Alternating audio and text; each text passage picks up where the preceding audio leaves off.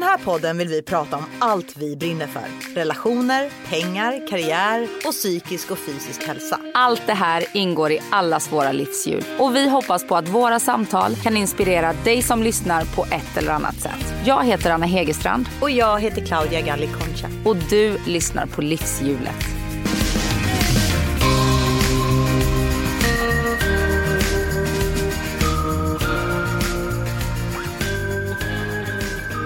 Anna, jag har ju fått en fix idé. Jag lever ju efter devisen att det, ska vara så härligt och mysigt som möjligt hela tiden. Men det, det är väl en ganska bra inställning till livet. Ja men det är det. Men det gör ju också att jag hela tiden måste ändra mina livsmönster på något sätt för att Annars blir så- omysiga. Nej men det blir vardag tror jag. Mm, Jag vill liksom överraska mig själv med mysighet. Det jag skulle komma till var att jag har fått för mig att jag inte kan äta frukost hemma. Mhm. Men äter resten av familjen frukost? Ja, barnen äter ju frukost. Det beror på lite. Ska jag iväg så är det lite kaosigare. När jag stannar hemma och Manuel lämnar barnen, då är det lite lugnare för då kan jag liksom foka på dem. Men idag skulle vi alla iväg och då är det lite så stressigt. Och då, jag, är så, jag vill ju njuta av frukosten. Vad är frukosten då för dig? Ja, men den kan vara allt. Idag blev det en smoothie. För vi skulle ju gå och spela in. Jag känner att jag vill inte hamna i det där. Du och jag är ju annars fans av grötfrukostar. När Det du och jag har möten. grötdejter. Ja, många grötdejter. Verkligen. Alltså, jag skulle säga att vi har väl haft så här åtta av tio Mm. grötdejter nästan. Eh, och det tycker jag är superhärligt. Men d- där blir jag lite för mätt. Och det tycker jag inte om att sitta och spela in när man är för mätt. Nej, men jag håller med. Jag äter ju inte frukost alls. Oftast. Överhuvudtaget. Överhuvudtaget. Det här är, jag är ju lite perioder när det kommer till olika saker. Jag kan ju vara så här att i två års tid äter jag bara havregrynsgröt med mjölk och lingonsylt. Sen så går jag över till att äta bara typ kokt ägg på morgonen. Alltså jag, jag Men du är äter en in, inte människa. hemma alls? Jo, då, för jag har ju oftast inte någonting jag ska iväg till när Nej. jag inte lämnar mina barn på förskolan. Men Just då är det ofta så att jag kanske lämnar dem på förskolan och sen åker hem. Mm. Men som såna här dagar när vi ska ja, spela in, eh, vara på tå, leverera. Då vill jag vara, känna mig lätt i kroppen. Eh, så att då är det liksom många koppar kaffe. Jag tror jag fick in en Nocco här också. Ja. Och sen så känner jag att nu, eh, jag är inte ens hungrig nu. När man inte äter frukost i, alltså, på länge så får man ju in det. Då vänjer ju sig kroppen Nej men precis, det. precis. Jättehungrig nu- är man ju precis på morgonen och den mättar man ju, eller jag i alla fall gärna med en kopp kaffe. Ja men precis. Den där första hungern. Och jag är liksom. inte ens jättehungrig eftersom min kropp är van vid att nej, den, den får sin, sitt första mål vid typ halv tolv på dagen. Ja. Eh, så det är nog det det handlar om. Att, eh, att jag är ju också, som vi också pratar om i eh, det här avsnittet, att jag är som mest alert på förmiddagen, morgonen fram till ja, men efter lunch. Sen dippar jag, sen är jag rätt värdelös på Ja, men så, så är ju, där är vi ju lika. Eh, jag är ju likadan. Jag gör ju gärna så mycket som möjligt så tidigt som möjligt på dagen. För att sen liksom men en kombination av tror jag att jag känner att jag har mycket energi i början men att jag också tycker om, jag får liksom energi av att checka av saker. Så att jag vill checka av så mycket som möjligt ja, innan jag ska egent- egentligen hämta barn tror jag. Så jag har ju nog på mig fram till tre. Så kör jag stenhårt. Men tre är en ganska lång dag av eh, produktivitet. Ja, men jag det en önskar grej. det. Jag tror att det är för att jag var hemma med barnen så länge. Mm. Så känns det som att jag har samlat energi under de fem åren. Det kan vara det. Men hur som helst, eh, frukosten. För mig handlar det om mysa. Jag tycker att det är så mysigt som möjligt Mm. att få äta i lugn och ro. Och gärna då med dig om vi till exempel ska hucka och spela in något eller annat. Ja. Men idag ska vi ju prata med Per Holknekt. Ja, och du var lite spänd inför den här inspelningen, vet jag. Ja, det är ju någonting med Per. Jag har lyssnat ganska mycket på poddar som har besökts av Per. Och han är ju, eh, han kan ju prata. Så att det eh, var jag inte nervös för. Eh, att det skulle bli tyst direkt. Utan mer att kommer jag hänga med i samtalet? Det var nog lite min...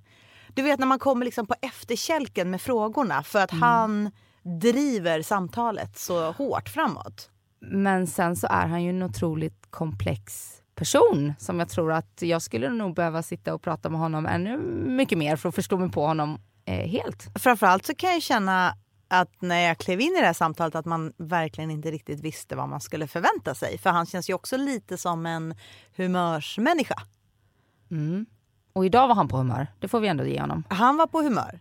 Det, kom, det blev så otroligt eh, fint samtal och det som jag tyckte var tydligt och som blev så där oj, som verkligen gjorde att man drogs ifrån hela vi ska liksom intervjua Per-känslan var ju att han blev så känslig på ett sätt som jag inte tycker att jag har hört i tidigare poddar där jag har lyssnat på samtal med honom. Nej, han blev otroligt känslosam. Utan att spoila någonting nu Ja, så, nej, så har ju det här samtalet, det bjöd ju på både eh, skratt och tårar och ehm, en otrolig innerlighet. Och jag tycker att vi ska eh, släppa på samtalet med Per, men vi vill ju också säga till våra lyssnare att vi är otroligt glada att ni är med oss ehm, och lyssnar på livshjulet och att ni såklart ska eh, höra av er till oss om ni vill att vi eh, träffar någon speciell person. Ja, eller kom med tar upp önskemål. Ett, ja, tar upp ett, ett ämne eller bara lämna feedback. Eller kom med frågor om fru- frukostvanor eller eh, Ja, Vad men som vad helst. som helst. Vi vill interagera med er. ja. Och eh, ni eh, kontaktar oss på våran Instagram. Livshjulet har ju en officiell Instagram. Oh yes, eh, som heter, det är ett ganska långt namn men man bara lägger till oss och följer oss så behöver man inte skriva in det fler gånger. Nej, och det är ganska naturligt. Ja det är ganska naturligt för det är nämligen livshjulet med Anna och Claudia. Mm. Vi börjar där Mm. helt enkelt och, och, och sen så ser vi. Mm. Precis som vi har sagt. Vi börjar i liten skala och så aim for the stars. Alltid, Ja. Nu så kör vi vårt samtal med Per. det gör vi. Jag lever ju sjukt ohälsosamt. Jävligt ohälsosamt.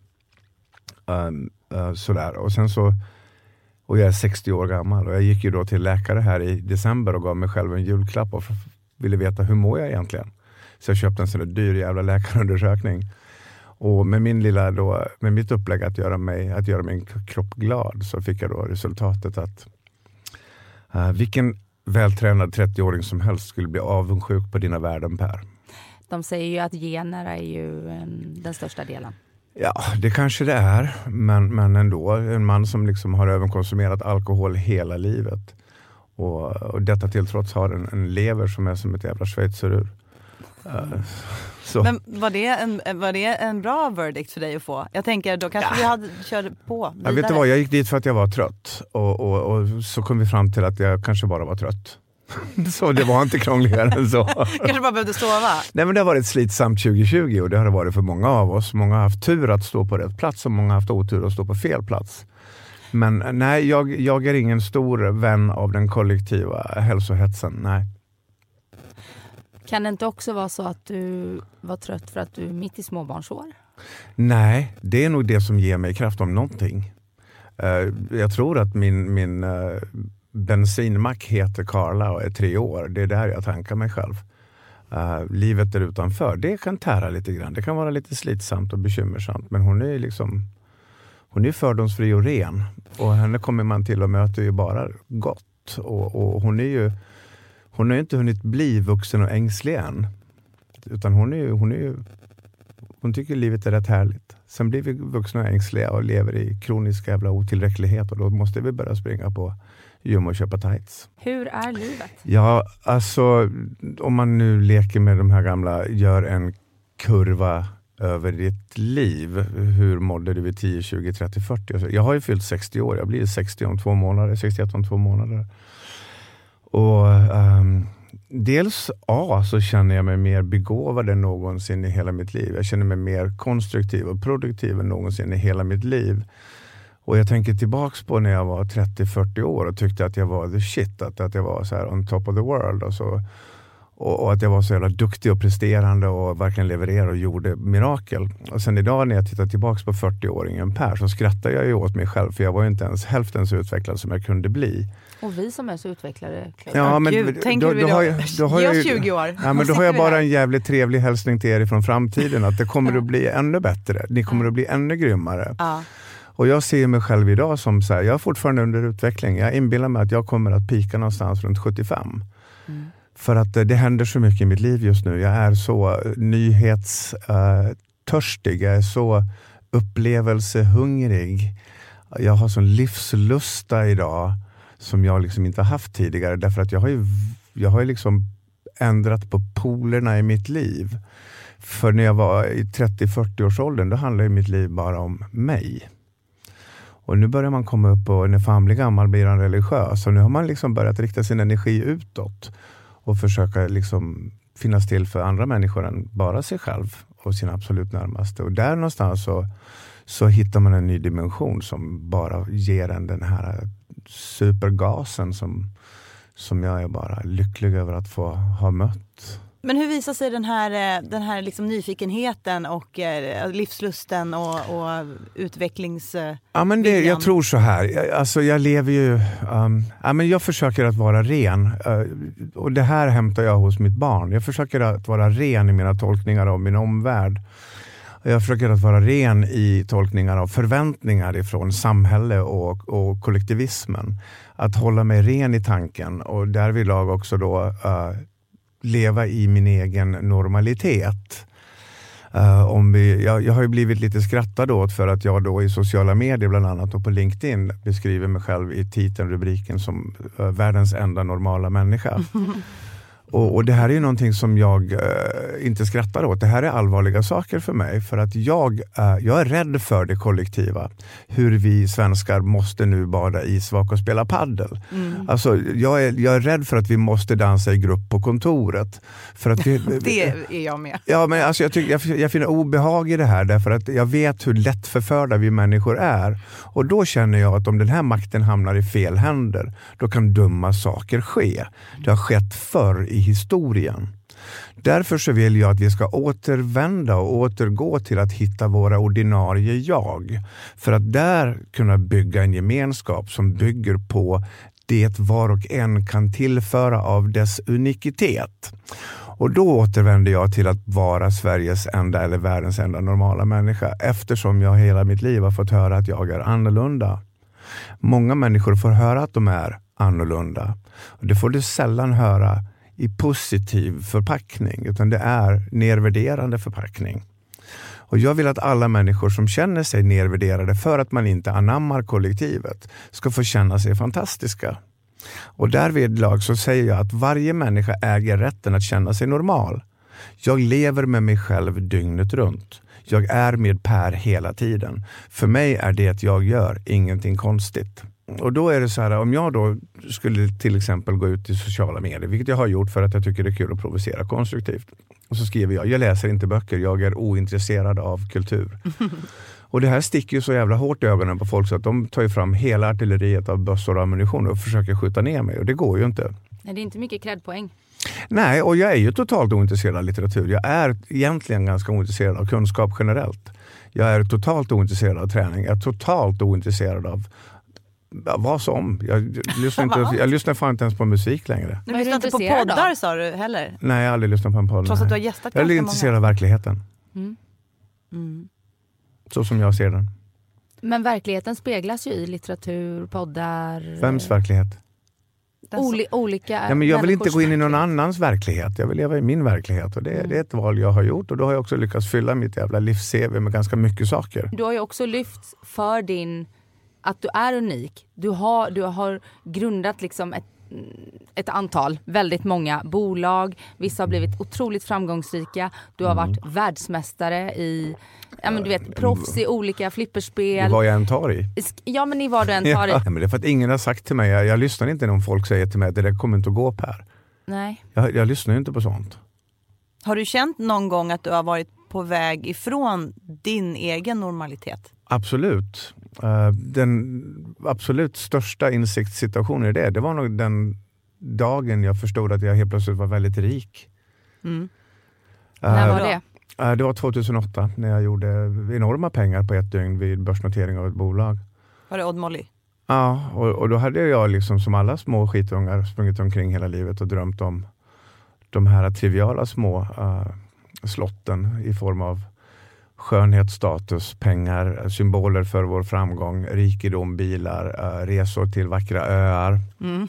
Och framförallt berätta det här för andra. Det här var liksom att ha skönhet vid min sida, uh, kändisskap. Allt det här var otroligt viktigt för mig innan jag väl hade det. Och när jag stod där och hade allt det här i min hand så förstod jag att fan, livet är en stor jävla hägring. Jag har, jag har varit lurad hela mitt liv. För jag har aldrig varit olyckligare än den dagen. Det är ju flera som säger det som har fått mycket pengar på en ja. gång. Jag har aldrig varit olyckligare än den dagen. Insikterna som kom i kölvattnet av det här när jag förstod att shit vad jag blev populär. Eller min plånbok kanske. Blev Ja, men också att man kanske känner Nej, jag kände liksom, sorg. på insidan att det blev, ju, det blev ju inte bättre på det- insidan. Nej, det var ingenting där. Så Nej. att, och där någonstans så, så började jag då be om hjälp och prata med människor som förstod saker lite bättre än jag. Jag hade ett ganska litet perspektiv då för jag hade letat på helt fel plats och någon sa till mig Per du måste liksom börja söka den stora bekräftelsen i dig själv och inte hela tiden genom andra. Att få stå på bild med Mikael Bindefeld är inte viktigt.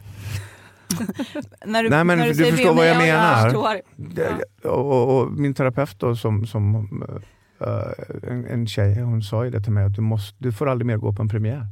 Sa hon till mig för eh, åtta år sedan. Om du, inte, på henne.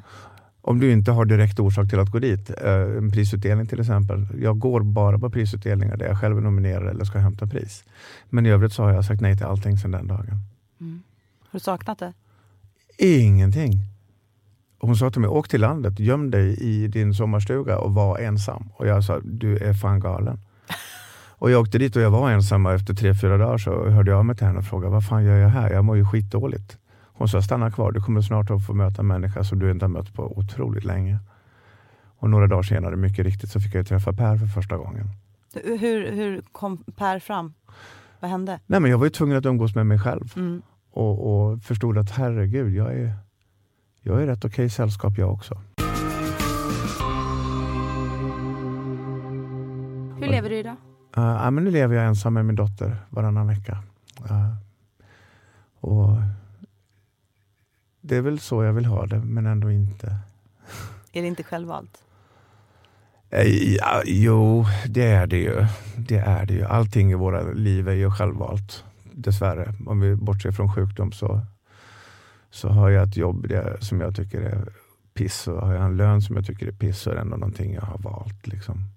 Och bor jag i Buri och tycker att det är för jävligt så är det också mitt val. Och tycker att Stockholms innerstad är för dyrt så ja, då är det också mitt val. Så, så att våra liv är produkter av egna beslut. Men nu lever jag ensam med min lilla dotter Karla som är tre och ett halvt. Mm. Uh, Så hur ser en, hur ser en dag med, med Per och Karla ut? nej men, vi sover tillsammans, vi vaknar tillsammans och jag vill inte gå ur sängen. Jag vaknar innan henne så jag får titta på henne en stund innan hon vaknar. Och jag, hela mitt hjärta bara spränger min kropp av kärlek. Sen går vi upp och äter frukost ihop och sen så går vi till dagis ihop, borstar tänderna och lite sådär. Och sen så sätter min dag igång. Uh, min dag är oftast re- rätt så intensivt. Jag har haft eh, tre Zoom-möten innan det här. Och, Oj, det och var bra klockan är tio på morgonen. Så Mm. att, och jag lämnade, lämnade henne klockan åtta. Så att, ja, men jag driver några bolag och har livsprojekt som, som tar min tid. Det låter som att du känner dig på en ganska bra plats i livet. Ja, men jag tycker det. Jag tycker om mig själv idag. Jag, jag har ro. Jag, jag, jag är en människa som alla andra. Jag, jag känner um, sorg och glädje. Um, jag är nykter. Jag känner eh, i min nykterhet väldigt mycket. Jag har ingen bedövning. Så jag, livet utan bedövning är ganska scary men ganska fantastiskt. Förutom trion då? Ja, men den, den, eh, det är bara så här, någon jävla dålig vana måste jag ha också.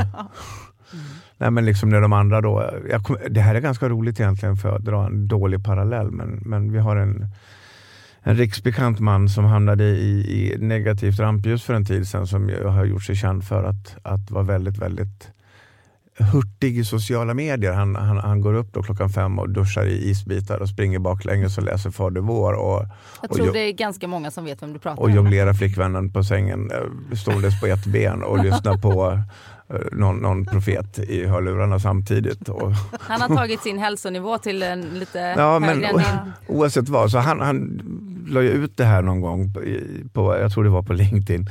Och, och jag tittade på det där så tänkte jag så här, fan folk lyder ju det där. Och, och så då gjorde jag ett inlägg då som var så här, ah, men jag sover tills jag vaknar, då blir min kropp glad. Um, börjar dagen med tre svarta kaffe, fyra cigg och en dubbel Treo. Och sen gör jag ingenting och sen så, så jag gjorde så här, ett totalt motsatt inlägg. Och, och sen så ungefär en vecka senare så fick jag en skärmdump där någon då hade råkat se min, mitt och den herres inlägg invid varandra i flödet. Och det var ju så diametralt fruktansvärt jätteroligt. Och sen när jag då läser statistiken över de här inläggen, när då likes, vi räknar ju sånt nu för tiden. Uh, andra parten hade väl fått i storleksordningen 140 likes för sitt inlägg och mitt passerade 10 000. Så förstår man vad människor längtar efter. Frihet ifrån dessa jävla tvång och måsten. Äntligen någon som sätter ner foten och säger sluta. Mm. Mm. Var inte så jävla otillräckliga. Dug någon gång. Mm. Jag vill inte säga till mina barn, du duger inte. Du måste hela ditt liv jaga att bli bättre, att utvecklas. Du är fucking bra nog. Gå ut och använd det du har. Du är fantastisk. Mm. Håll inte på.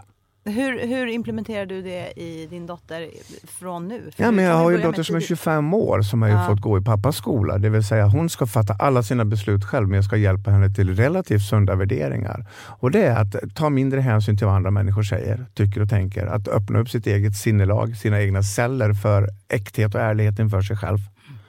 Och att förstå att mina då kanske tillkortakommanden ibland för vi jobbar ju så vi människor, vi jämför oss ju med andra. Vi jämför ju bröst och läppar och handväskor och gubbar och bilar och båtar och allt vad det nu så är. Och i de här jävla jämförelserna så krymper vi ju. Vi minskar oss själva, vi förstorar andra. Och sen så skapar vi avstånd mellan oss och andra som är av obehag. Som skapar människor, tyvärr, negativt. Och jag försöker lära mina barn att jämför er inte med andra. Gå din egen väg, höj din egen blick, titta inte åt sidan annat än av hänsyn till andra människor. Och då har jag då fostrat en tjej som är, liksom, hon är så här miljöaktivist och en extremt framgångsrik företagare och gått ut Uppsala universitet. Skit och och fick superjobb på något så här modernt bolag som marknadsdirektör och hoppar av på måndagen för att bli bagare. Alltså, det är så jävla coolt att jag har fostrat ett barn som liksom inte bara springer uh, till tonen av någon annans jävla trumma. Hur tror du, pratar du med henne om att du idag har möjlighet att vara en mer närvarande pappa med din treåriga dotter än vad du hade förmåga att vara när hon var liten? Ja, definitivt. Ett sorgebarn, fan vad jag pratar med hög andning. Lugn och ro Per. Mitt sorgebarn är ju att när min äldsta dotter kom till livet, det vill säga för 25 år sedan, så, så var jag på en annan plats i livet. Jag hade inte samma inre ro. Jag hade inte samma närvaro. Halva mitt hjärta och min tankeverksamhet var ute på stan med kompisarna i företagen. Så det känner jag lite sorg över. Nu har jag arbetat väldigt hårt för att vinna henne åter och vi har ju en otrolig respekt och kärlek till varandra idag. Men jag fick jobba lite hårdare för den. För att nu då när jag har en treåring och jag är till åren kommen, när jag är med henne nu, då är jag ju 100% där. Ingenting i den yttre världen kommer åt oss. Då är det vi mot resten. Liksom. Och, och den, här, den här grejen, hon får ju leva nära mig och hon vet ju att pappa bryter mot regler. Jag vill fostra min treåring till att bryta mot regler. Jag menar, i förrgår kväll hade vi vattenballongkrig inne i lägenheten och blötte ner soffor och fanskap. Det här gör man ju inte, säger då Prussiluskan. Eller jag, som Ja, också har en treåring. ja. Nej, men liksom, då säger jag, men vad fan, det är bara vatten, det är bara möbler. Vad fan är grejen? Mm, nej, men där är jag nog lite mer som Per tror jag faktiskt. Och, och sen så går vi in i duschen och, och, och tar med oss, vi- ja, men tidigare i veckan, vi gick in i duschen hon och jag och tog med oss vattenfärger. Och målar oss själva i håret och vi målar på väggarna. Och någon säger, men det kan ju komma färg i kakelfoglarna. Eller kakelfogarna. Jag blir så här, ja, vad fint. Mm. Men är du också eh, lika delaktig i att se till att det finns extra galonkläder på förskolan? I morse så skrev jag till min dotters mamma så sa jag, tror Karla behöver nya stövlar. Kan du komma över till mig ikväll och hjälpa mig att klippa hennes naglar och rensa hennes öron? Jag tror att det börjar bli lite varmare nu. Vi behöver köpa regnkläder med lite, lite mindre foder. Det här var innan jag gick till dagis i morse. Men du klipper inte Och- naglarna själv? Vet du vad, jag törs inte. Jag har så jävla stora händer. Så att jag törs inte riktigt. Nej, min man klipper inte heller naglarna på Men jag, jag och Karla, vi har våra grejer. Ja. Och, och på måndagar då bestämmer hon maten. I måndags då var det köttbullar med Kinderägg. Perfekt. Åh gud vad gott. Ja, och sen så var det Jag, jag skippar gärna köttbullarna. Och till efterrätt så var det fouettekorv med jordgubbar. Mm. Och liksom, det här får man inte göra då enligt eh, duktiga föräldrar. Men och hur fritt får det vara? Får det vara för hur fritt som helst? Absolut inte. Mm, nej. nej. nej, nej, nej. Jag har ju superhårda regler. Som? Och, och framförallt rutiner. Mm. Barn älskar regler och rutiner. Men vi har också en regel som heter man får bryta mot regler. Mm. För vi måste ha roligt. Jag vill att mitt barn ska tycka att det är roligt att leva. Mm. Inte bara kuvat. Har du och hennes mamma ungefär samma syn på uppfostran och eh, hur eh, man bör leva? Så här att hennes mor och jag fann varandra för att vi var olika. Hon var strukturerad, hon var ordningsam, hon jobbar inom finansväsendet och, och jag är ju mer en yvig gest. Så att därvidlag så, så kopplade vi samman för att vi kunde hjälpa varandra. Jag kunde hjälpa henne vara lite bråkigare, hon kunde hjälpa mig vara lite mer ordnad. Och, och, och, så är det nog i vår uppfostran också, men vi kommunicerar ju jäkligt mycket. Jag berättar ju allt för hennes mamma vad jag gör och hon tycker att det är jätteroligt och skrattar och säger att jag önskar att jag också vågade göra sådär. Mm. Hur ser ditt uh, umgänge ut, din bekantskapskrets? Ja, men det är ju så att man, och det vet säkert ni också, att med, med åren så krymper bekantskapskretsen. Man har ju ett stort behov av många vänner i början. Sådär, och, och det, ja, men det krymper. Särskilt då när man som jag har haft stora upp och nedgångar i livet så ser du ju vilka som hänger kvar. Och, och, du vet ju att det är väldigt lätt att få vänner när det går väldigt bra. Den här gången då när Dagens Industri skrev att jag hade tjänat 110 miljoner på 24 timmar. Då Jag- var det mycket kompisar. Ja, men jag tror att varenda tjej som hade gjort slut med mig i hela mitt liv skrev inom 24 timmar och frågade om vi skulle ta en fika. Ja, det var så länge sedan Per, det hade varit så kul. Ja, Och det, det förstod ju inte jag just då. Jag trodde att fan Nej, jag- du förstod inte Nej, jag trodde att de tyckte om mig.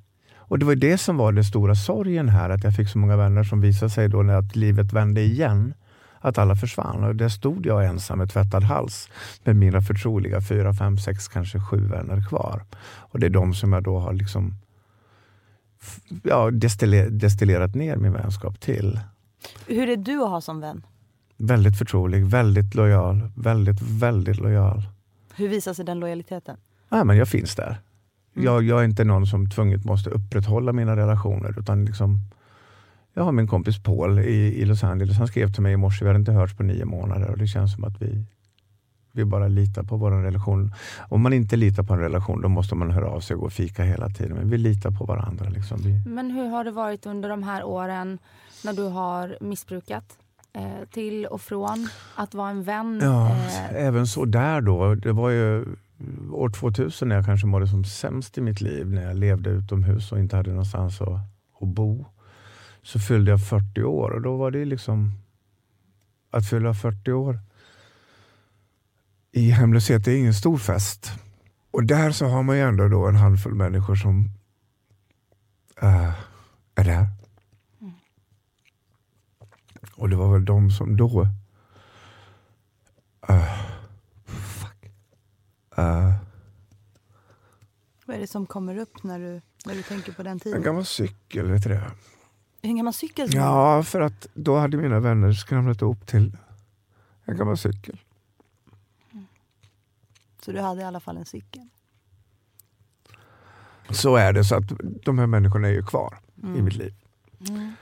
Så, så att, nej, jag har, sen är det så här också att jag, jag har liksom gått ifrån att i livets ska säga, medvind um, funnits ute bland folk hela tiden och haft ett stort hov av vänner och människor omkring mig. Så jag har inte det behovet längre. Um, idag så tycker jag ju bäst om att när jag får tid över som inte är förväntningar ifrån bolagspartners eller familj så, så föredrar jag att spendera den tiden ensam. Mm. Eller föredrar, jag spelar, spenderar alltid eh, min överskottstid ensam. Eh, utan eh, påverkan av musik eller television eller någonting. Utan jag bara sitter mer och tomglor och låter föreställningen i mitt huvud starta. Jag hörde någonstans du pratade om att i, i Pers huvud så är det aldrig tyst. Nej, det är ju inte det. Och det, det är ju på gott och ont. Jag tycker ju om att tänka.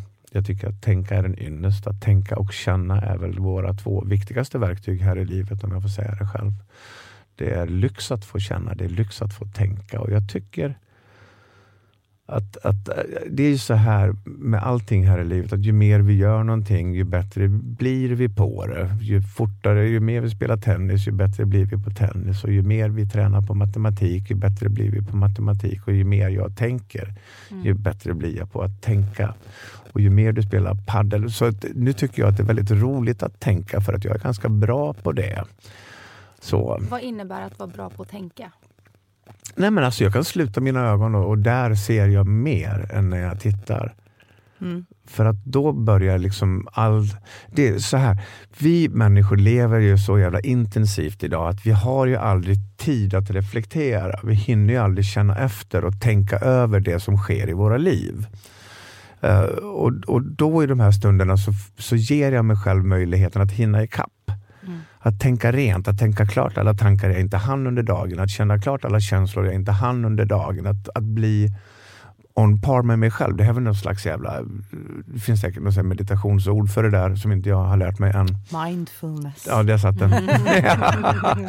och där, där, där jag blir ren och i par med mig själv, då kan jag börja utveckla lösningar på problem jag ser i min omgivning. Till exempel små triviala saker som jag läser i tidningen. att Skuldsattheten i Sverige ökar. Många människor hamnar i finansiellt klammeri. Eh, Då tänker jag, hur fan kan man lösa det här? Och så kan jag då sitta som en besatt och tänka på det här tills jag har löst det. Och Har just- du löst det? Ja, och det bolaget kommer till marknaden nu i mars. Mm. Ja, spännande. Ja. Det känns som att du är en väldigt, eh, jag sa det tidigare, på en bra plats men också i en väldigt kreativ period. Är du Ah. lite periodare när det kommer till kreativitet? För det är jobbigt att vara sådär kreativ hela ja, men det är tiden. häftigt att, få, att vara kreativ nykter. Ja, det förstår jag. Många använder ju då vinet som kreativ eh, booster. Just det. Jag har aldrig fattat det där. Jag är ändå journalist och jag har önskat ibland att man har kunnat liksom slå sig ner en sen kväll med ett glas rött, Ja. skriva. Jag har ju alltid varit en morgonmänniska som hellre tar min kopp kaffe, går upp och så gör jag mitt jobb. Ja. Ja, då, då, då, då är vi lika, för jag är ju smart fram till lunch brukar jag säga. Sen Exakt, efter, sen jag efter lunch så monterar jag mina tankar. Ja. Då skriver jag ner dem i datorn när jag tänker fram till lunch. Liksom. Där är jag som skarpast. För du orkar inte vara skarp längre. Nej. Nej, men precis så är jag. Ja. Utan att gå vidare och prata om bokstavskombinationer så har ju jag ADHD. Ja. Jag tror att det hänger ihop med det. Att jag är väldigt skarp när jag väl är skarp. Ja. Men jag har svårt att reglera energin. Så energin är alltid 100% Mm. eller så måste jag dippa till noll. Så är det ju. Nu, nu, min, mors, min mamma forskade i det där en gång i tiden, i, i fokus och koncentration och kreativitet. Och resultatet där var ju då någonting som jag försöker att jobba i, det vill säga du tänker och arbetar intensivt 24 minuter och vilar 12, 24-12. Så den här metoden har hjälpt mig att förlänga dagen lite grann. Problemet med den är att du också ska ha disciplinen. Ja, den, den är tuff. För när man har varit fokuserad i 24 minuter och hamnar i det här hyperfokuset så vill du bara fortsätta. Så är det. Men en sak som händer när man blir gammal är att man orkar inte lika länge. Förr i tiden kunde jag gå upp sju, vara produktiv och leverera som fan fram till två nästa morgon. Varje dag. Nykter, Året, alltså utan... ja, året runt. Ja, ja, utan några som helst problem. Dit räcker inte jag idag. Jag orkar inte så länge idag. Men då är det ju så här att man blir ju bättre med åren som jag just sa. Så det som förr i tiden tog 16 timmar för mig att göra, det gör jag idag på ungefär 8. Mm. Så att jag hinner med lika mycket. Men tiden som idag blir över kan jag leverera eller kan jag leva i kvalitetstid istället. Så kvantitetstid kontra kvalitetstid. Och kvalitetstiden är för mig den är liksom, det är belöningen varför jag håller på. Mm. Vi tänker, vad, är, vad är belöningen för att jag håller på? Det är liksom, vi har ju ett why allihopa. Varför håller jag på? De flesta människorna håller på för lådvinet på fredag. Det är, liksom, det är livets stora belöning. Ja, det ser Ja, man men- på kön utanför Ja, systemet det- numera. Det är därför vi håller på. Liksom. Ja. Tar vi bort den då, då blir folk villrådiga och hänger sig. Liksom. Ja. Ja men så är det. Men vad är, vad, varför håller du på då? Nej, men jag, det är där jag har gjort lite helt om nu. Att, att inte bara fokusera på mig själv utan att vända det här utåt. Att göra gott för andra människor än mig själv. För det är extremt, en sån rikedom i att själv förstå att min påverkan i en främmande individs liv har fått denna människa att återse solen. Den, den rikedomen är så stark. Att det är, det är mitt nya knark. Liksom. Är, är, det, är det den typen av bolag som du startar upp nu, sånt som är väldigt fokuserat på, eller som är fokuserat på andra människor? Bara. Ja, bara? Bara. Okej. Det, det är så här, förr i tiden, om vi nu ska gå in på fjärde industriella revolutionen då, som innebär då, den drogs i Davos 2016. När man pratar, den gamla kapitalismen den är ju liksom tjäna pengar på bekostnad av vad fan som helst. Mm. Människor, miljö, checka upp vad som fan, vad du tjänar. Mm. Den nya eh, ekonomin, den nya kapitalismen är ju den rena som skapar fina vinster, det vill säga du tjänar pengar på att göra gott. Mm. Och, och, jag gav ut en bok då ihop med Karin Börjesson och Connor här i november förra året som handlar just om det här. Och, och då måste jag ju leva som jag lär. Och jag inbillar mig att leva i det här finvinst-tankesättet. Att skapa gott och tjäna pengar på det. Ja, men det kan jag stå ut med. Jag vill, att, jag vill gå ur tiden. Jag ska ju dö snart.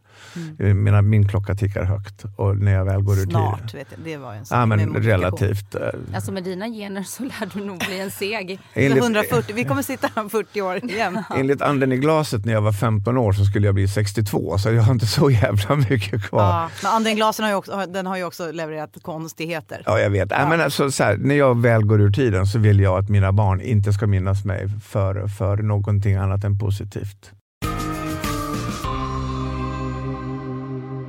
Hur tänker du kring döden? Det är en jobbig fråga för Claudia. Vet Nej, ja, alltså vet du vad? När jag, när jag är i livets, på livets topp så är inte jag rädd för döden. När jag är på livets botten är jag rädd för döden.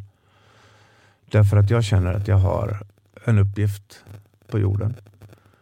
Och det är att leverera mitt bästa jag. Och när jag känner att det, nu har jag, det har jag gjort, jag är där nu, nu gör jag bra, då är inte jag rädd för att gå. Men när jag är i ett läge där jag känner att jag är inte där, jag måste ta mig tillbaka.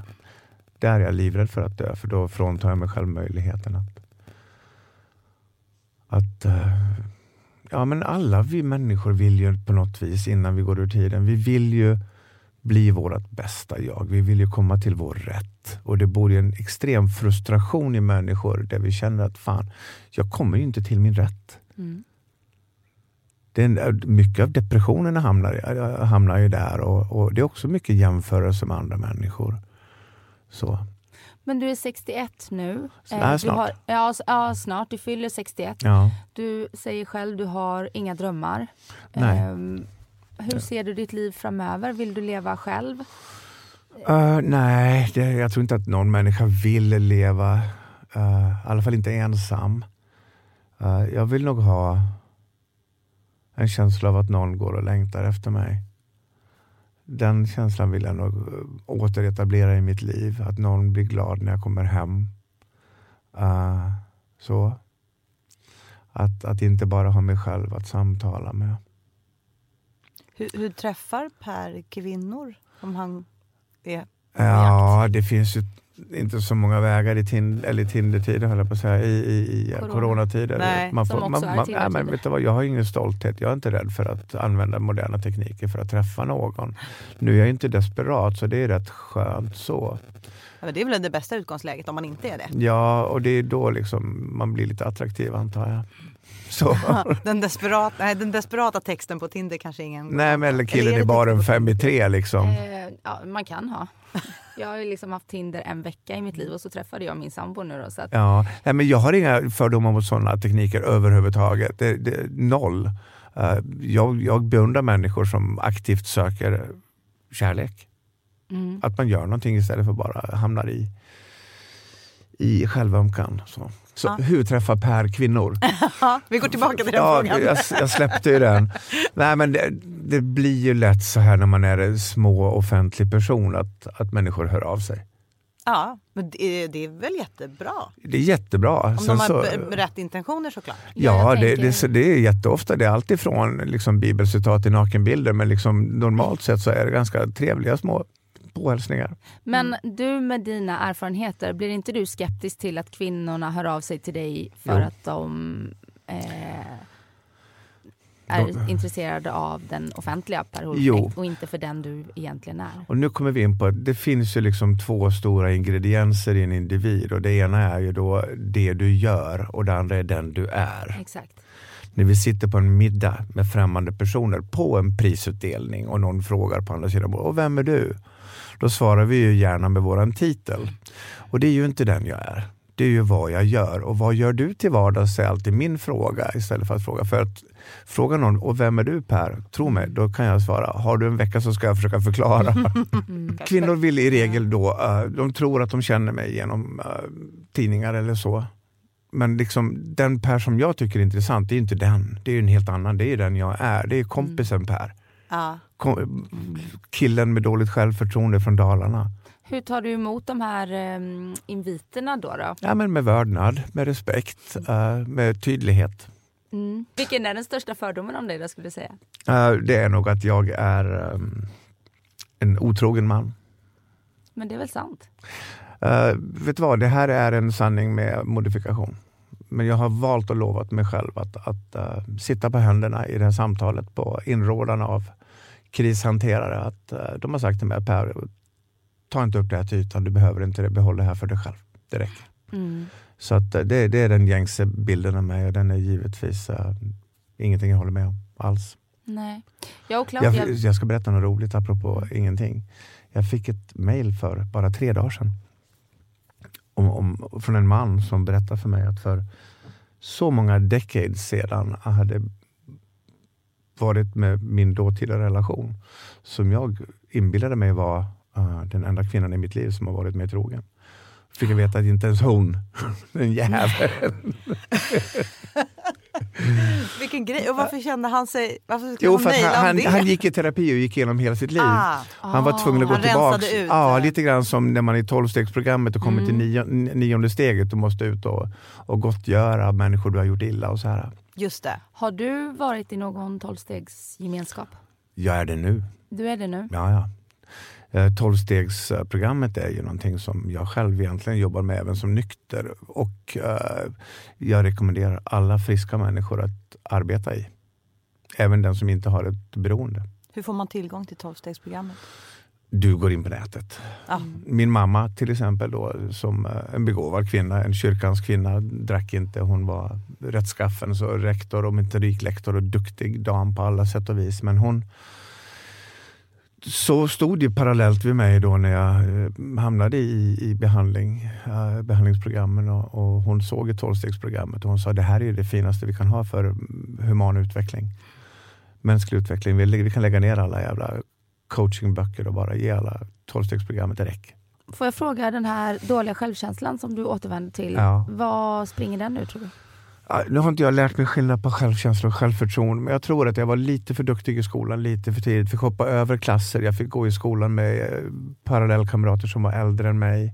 Har, du, Sen pubertet. eh, har, har ditt värde baserats på det du gör istället för ja, väldigt mycket. prestation? Väldigt mycket. Det blev ju så att jag ville hela tiden känna att jag dög.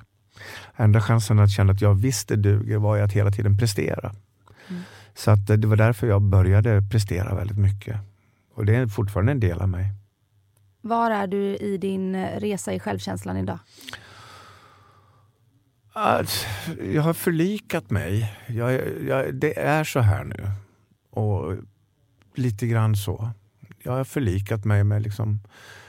Jag tror inte att min, mitt, min själs DNA kommer att förändras så mycket så här sent i livet. Utan jag får lite grann gilla läget. så Och så får jag liksom anpassa livet utanför efter det här istället. Att inte då kanske springa på krogen och jämföra mig själv med andra människor. Och, och ha de här sökande ögonen och hoppas att någon ser mig och de här sakerna som vi håller på med, vi människor. Utan finnas i det lilla. Men självförtroendet måste ju finnas där för det är ju liksom förmågan att kunna se att det här klarar jag. Du bygger ju Ja. ändå företag och du startar. Och Ja, det är märkligt det där. Jag har ju blivit utsedd till, tror jag, 19 olika årets i Sverige. Du, ja. Årets entreprenör, årets eh, för, kreatör, årets eh, 19 olika saker. Årets fucking digitala influencer. Jag visste inte ens att jag var en. Liksom. och varje gång så är du en på 10 miljoner.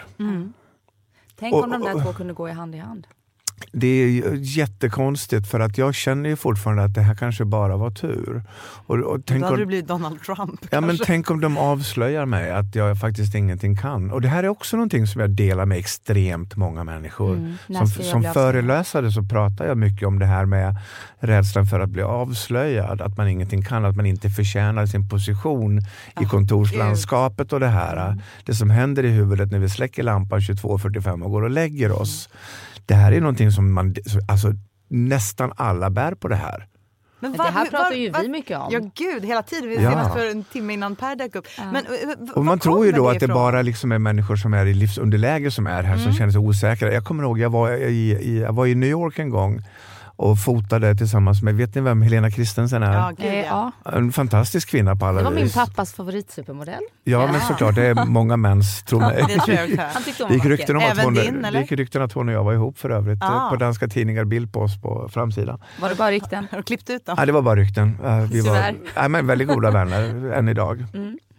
Men då var vi i New York och fotograferade en gång. Och, och sen efter det så gick vi väl och, och, och fikade hon och jag. Och så vågade jag ta upp det här ämnet. För hon sa till mig, du är så fantastisk med det företaget. Du kan du vara så duktig? Jag säger så här, vet du vad? Vid dagens slut så känner jag att det här är mig inte förtjänat. Jag är inte bra nog för det här. Rädd för att bli avslöjad. Och så är det på många andra platser i mitt liv. När hon då svarar mig, hon den här, denna otroligt dyrkade kvinna som bygger bolag inom design, tidningar, är en fantastisk mamma, har liksom mjöl i ansiktet och jord under naglarna och portfölj i handen och man i sängkammaren och ett register och supermodell.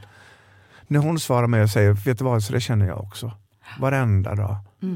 Det handlar ju inte om vad vi gör eller hur vi ser ut. Nej, och, och det är ganska häftigt ändå. Det är ganska betryggande då för mig att förstå att fan, jag är inte ensam här. Liksom, det här är inte en underlägestanke, utan det är en gemensam uh, bekymmerstanke vi delar. Och efter det här eh, slitsamma 2020 Ja. som du beskrev, vad, vad, hur ser du 2021? Ja, men man får ju positionera om livet ganska hårt just nu. Liksom familjen har spruckit, eh, företagen har spruckit, min föreläsarkarriär har spruckit. Så liksom i stort sett allting har gått sönder. Och då får man ju liksom på något vis vara ledsen. Man får ju det. Man måste nästan våga vara ledsen och, och bryta ihop i en vecka. Ordentligt och sen så får man borsta av sig och gå upp. Och det är liksom, ingen kommer ju att hjälpa mig. Nej. Det är upp till mig. Du har ju varit enormt rik och enormt fattig. Ja. Var är du nu? Ekonomiskt? I get by. Jag tar mig till nästa dag. Det är liksom, men jag har ju inga behov av utsvävningar längre så jag har liksom krympt min kostym. Jag skänker bort saker. Jag ger bort saker. Jag, har, jag, jag håller på att göra mig fri från, Mm. från behovet av saker. Hur bor ni, du och din dotter? Ja, men vi bor ganska fint, tycker jag. Så, vi, Mm. vi, vi har vår bästa eh, sak är att vi bor väldigt, väldigt högt upp i ett hu- hus i Hagastaden Mm. med utsikt över Stockholm. Och vi har en balkong på 25 kvadrat där vi kan sitta och Det är ju trevligt. Ja, sen har jag ett hus ihop med min exfru då, i, i Djursholm som jag hyr ut just nu. You get by, det hör jag. Ja, nog tar jag mig till nästa dag. Alltså jag, är, jag är ju en kackerlacka. Liksom. Jag kan ju inte trampas ihjäl. Liksom. Jag reser mig som någon jävla Terminator. Ja, du känns som en katt som bara landar på fötterna Ja. och tar ett liv till. Ja, så är det. Men nu, nu jag har inte råd att, att misslyckas en gång till. Jag har inte råd att, att se saker gå sönder en gång till. För jag tror inte att jag mäktar resa mig en gång till. För jag minns inte riktigt när det var, för jag tror att vi är vänner, om det var på Facebook eller om det var på LinkedIn, eh, så var det bara något halvår sedan som du skrev att du sökte bostad och att du och din dotter var hemlösa. Ja, då, då var det ju så här att då hamnade jag i en plötslig eh, separation. Okej. Och eh, det som ofta då ehm, håller människor ifrån separationer är det praktiska. Mm. Vart ska jag flytta då? då? Mm. Tänker, kanske inte tänker ens- mamman Har möjlighet, nej, precis. med två, tre barn eller så. Så det som kanske höll våran, det som var fogmassan i våran då ganska bristfälliga relation var frånvaron av en lösning. Och sen så var det väl att det bara bröts utan att lösningen fanns där. Och då kände jag att nu är det bråttom att lösa det här. Och då fick jag då på 24 timmar säkert 200 förslag på boende. Och, och det löste vi ganska fort. Det är ju en lyx. För det, den möjligheten har ju inte alla. Nej, och där har jag en fördel som offentlig person. Jag är inte jätteoffentlig, men lite grann. Och det kan man nog säga. Så att jag, jag, jag, jag får uppmärksamhet. Det är nackdelar också, Mm. givetvis. Folk ser mig på gatan och liksom tar smygfotografier. Om jag skulle sitta i ett möte med dig, Mm. på, om du och jag satte oss på East klockan 20.30 ikväll, eh, då Just var det ju stängt, men 19.30 så skulle säkert någon plocka fram kameran i smyg och ta en bild. Per har träffat någon ny. Polknektsromans med... eh, Eller så Ja. skulle det vara Claudia har träffat någon ny. Ja, men något sånt där i alla fall tror jag. Men, men om jag ringer till en restaurang idag och de säger att tyvärr det är fullbokat. Okej, kan ni sätta upp Per Hortnick på väntelistan? Säger jag. Ja, vänta nu, jag tror vi har ett bord här borta vid fönstret. Så att man har vissa fördelar av det. Använder du de fördelarna? Någonting? Ja, Mm. absolut. På LinkedIn använder jag det. Ja. Jag sökte jobb för ett halvår sedan när liksom mina bolag knasade. Jag var tvungen att ta, hitta en lösning. Fick du ett jobb då? Jag blev erbjuden över 200 jobb på två dygn. Valde du något av dem? Ja, två, konsul, två konsultuppdrag. Interimma jobb, jag ville bara ha interimt. Ja. Så att jag kan använda mitt namn till mycket. Mm. Så att jag kan framförallt nu använda det till att göra gott. Och det handlar då att livet handlar om att finnas till för andra, inte bara vara så jävla självcentrerad hela tiden. Det är inte så jävla... Jag har slutat med att tänka jag, jag, jag, jag, jag. Mm. Och därvidlag har jag också tagit av mig tightsen. Jag vägrar gå på jävla gym för att jag ska känna mig tillräcklig. Sen är det så här, jag har ju själv då sagt till mig själv, jag kan bara baktala någonting om jag har en egen erfarenhet av det. Jag har i halva mitt liv drivit gäck med reklamare som går med halsduk inomhus och sitter med halsduk själv. Och, och sen så blev jag reklamare och först då så vågade jag liksom på riktigt driva med reklamare. Och jag har tränat. Jag har verkligen tränat. Jag sprang milen på under 45 minuter när jag var 52. Oj, det är bra. Så liksom jag har tränat. Jag har dragit ner mitt kroppsfett från 15,9 till 8,5 procent på 10 veckor. Jag kan träna. Det, det tråkiga med träning är att det är inte svårt. Det är, jag gillar när, när saker är svårt i livet. Träning det är det lättaste som finns. Jo- Det är jobbigt, men det är fan inte svårt. Det är bara boring. Men du får göra den här 16 weeks of hell. Ja, men, nej, jag ska starta någonting som heter 16 weeks of heaven.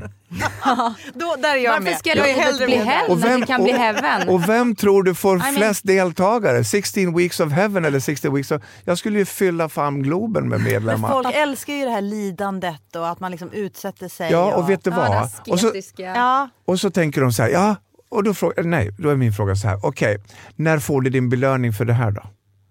Det ju när får, du äta din, när får du äta din jävla Budapest-tårtbit? nej, det blir ju aldrig mer. Det är ju kört. Det är får du äta din bearnaise? Alltså, det kommer aldrig att hända. När får du äta din gånger i pizza? veckan, annars blir jag deprimerad. De, för de, det, det finns ju ändå någon så här underordnad tanke som heter, jag får äta det sen. Men det kommer ju inget sen. För då Nej, inte om du ska leva Nej, som du... det kommer ju inget sen. Så du har gjort slut med livets lusta. Du ger upp livets goda för att plåga dig själv på ett gym med någonting som är jävligt boring och enkelt. Livet ska ju vara härligt att leva, det ska inte vara en kamp. Nej men jag tränar för att jag vill må bra. Ja, så fuck, ta bort speglarna, du kommer inte gå till gymmet igen. Nej, det är jag den första att säga. Jag eller nu, nu har jag i och för sig ett ryggskott som jag måste hålla i schack. Men jag har ju alltid tränat för att, för att vara snygg. Ja men det är väl såklart. det får man inte säga, men det är klart jag vill vara snygg. Men, Men du är den enda som är ärlig. Jag och några till. Men det är väl härligt att vara snygg? Ja, men Eller? jag Jo, blev snygg. Vet du vad, jag hade en snygg. kropp som en jävla Adonis när jag var 54 år. På riktigt. Ja. 55 var jag. När jag liksom såg ut som en sån där pika. Ja, ja men som en sån jävla du vet, kändiskropp i tidningarna. Ja.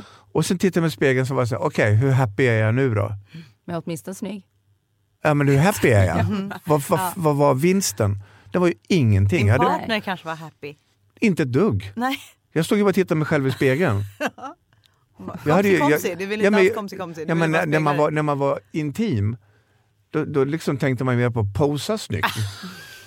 Nej, Istället, ja, men alltså, bort. man var ju så jävla självgod helt plötsligt. Ja, jag Ja. fattar. Det är ju lite så Hollywood eh, skådis Nej, det blev- att man blev- tränar så mycket så att huvudet blir jättelitet och kroppen blir jättestor. Jag blev bara fjantig. Ja. Så. Så du skiter i det nu. Nå, som fan. Vad gör man på 16 weeks of heaven? Man äter gott. Man, ja, men det finns en film som heter Brakfesten. Mm. Som, som jag inte har sett. Jo, jag har sett det. Jag tittar inte på film. Det är det som Nej är just grejen. det, måste hålla i det nu. det, det, det är någon fransk film som handlar om ett stort sällskap av väldigt, väldigt rika människor som låser in sig på ett slott och, och äter och knullar tills de dör. Det låter ganska hell för mig. What a way to go, eller hur? Exakt. I 16 veckor. Man skulle vara, Nej, men ja. nog Till slut dör jag, de av hjärtinfarkt mitt under samlaget för att de blir så tjocka för de har ätit så mycket. nej, men jag garanterar att jag skulle definitivt kunna sätta upp ett program för 16 weeks of heaven. Alltså, jag tror vilken kanal som helst skulle vara intresserad. Jag skulle kunna göra varje människa i det här laget till mentalt superhappy. Och tillfreds. Jag tycker det låter som ett mer spännande program att titta på. Än Ibland, andra. har ni sett att ibland så ser man en människa, om det kan vara på en restaurang eller ute på stan eller på tunnelbanan eller vad som helst, så ser man en person som bara har det där. Mm. Absolut. Och, och det finns en, en stillhet och en trygghet och, och, och, och en icke-ängslighet. Som man känner jag varje dag när jag träffar dig Anna. nej men som man bara, som man bara slukar, man bara känner ah det där vill jag ha. Mm. Den känslan. Det är Den- faktiskt den, den Mm. typen av människor, det är de jag har börjat samla på mig som vänner. Alltså Ja. jag har liksom så här kollat min telefonbok ibland och bara, den här människan, jag har liksom träffat den här katten två gånger i mitt liv. Men Mm. fan vad kul jag tycker att han eller hon är och vad bra jag mår. Då har jag liksom börjat connecta med de människorna och det, det är lite 16 weeks of heaven Och då kommer nästa fråga till dig, är de skitsnygga? Nej, Ursäkta? Där har du svaret. ofta. Förutom Anna då förstås. Nej, som liksom- tränar och, och är duktig på det. Jag, jag, jag har all respekt för människor som tränar. Jag säger bara det. Jag har all respekt i världen för det. Det bara ger mig ingenting. Jag har noll beundran för det själv. Och Men eftersom man inte ska det. jämföra sig så Nej. what, whatever floats your boat, Ja, eller hur? whatever floats your boat. Och vill du göra det så fine, gör det. Jag hoppas att du gör det riktigt, riktigt lycklig. Ja, och jag har skitsnygga tights när jag tränar också. Mm. Och du är Nej. skitsnygg i dem. Ja, men jag Sen hoppas så, nu verkligen så låter jag som någon, någon, eh, någon el- elitidrottare här. Jag är, jag är periodare som alla andra liksom. Men jag Men hoppas att du gör dig lycklig. Oavsett. jag, jag kämpar, den här lyckan kämpar man för varje dag tycker jag. Nu ska Per- jag vara på Söder om 50 minuter. Jag Ja, vet det, vi så vi behöver börja runda av. Ja. Innan vi gör det skulle Ja. jag vilja att du, för vi, vi gör ju den här podden för att eh, träffa härliga människor, ge våra lyssnare eh, inspiration. Ja.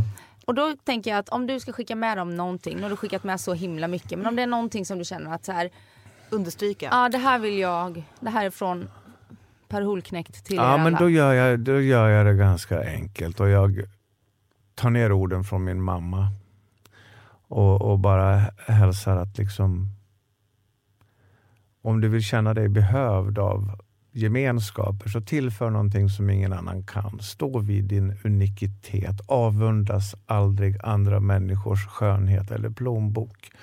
Bliv vid din läst och leverera dig själv precis som du är. Tack Per. Tack ska ni ha. Tack Per. Det var den här veckans avsnitt och tack bästa ni för att ni har lyssnat på oss. Och fortsätt gärna hänga med oss på Instagram där vi heter Livshjulet med Anna och Claudia. Har ni något ni vill prata med oss om, önskemål om gäster eller teman så skriv till oss där för vi svarar på allt. Och så hörs vi nästa vecka. Puss och kram. Puss och kram!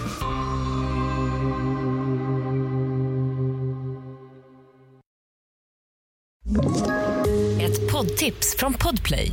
I fallen jag aldrig glömmer djupdyker Hasse Aro i arbetet bakom några av Sveriges mest uppseendeväckande brottsutredningar. Går vi in med hemlig telefonavlyssning och, och då upplever vi att vi får en total förändring av hans beteende. Vad är det som händer nu? Vem är det som läcker? Och så säger han att jag är kriminell, jag har varit kriminell i hela mitt liv men att mörda ett barn, där går min gräns. Nya säsongen av Fallen jag aldrig glömmer på Podplay.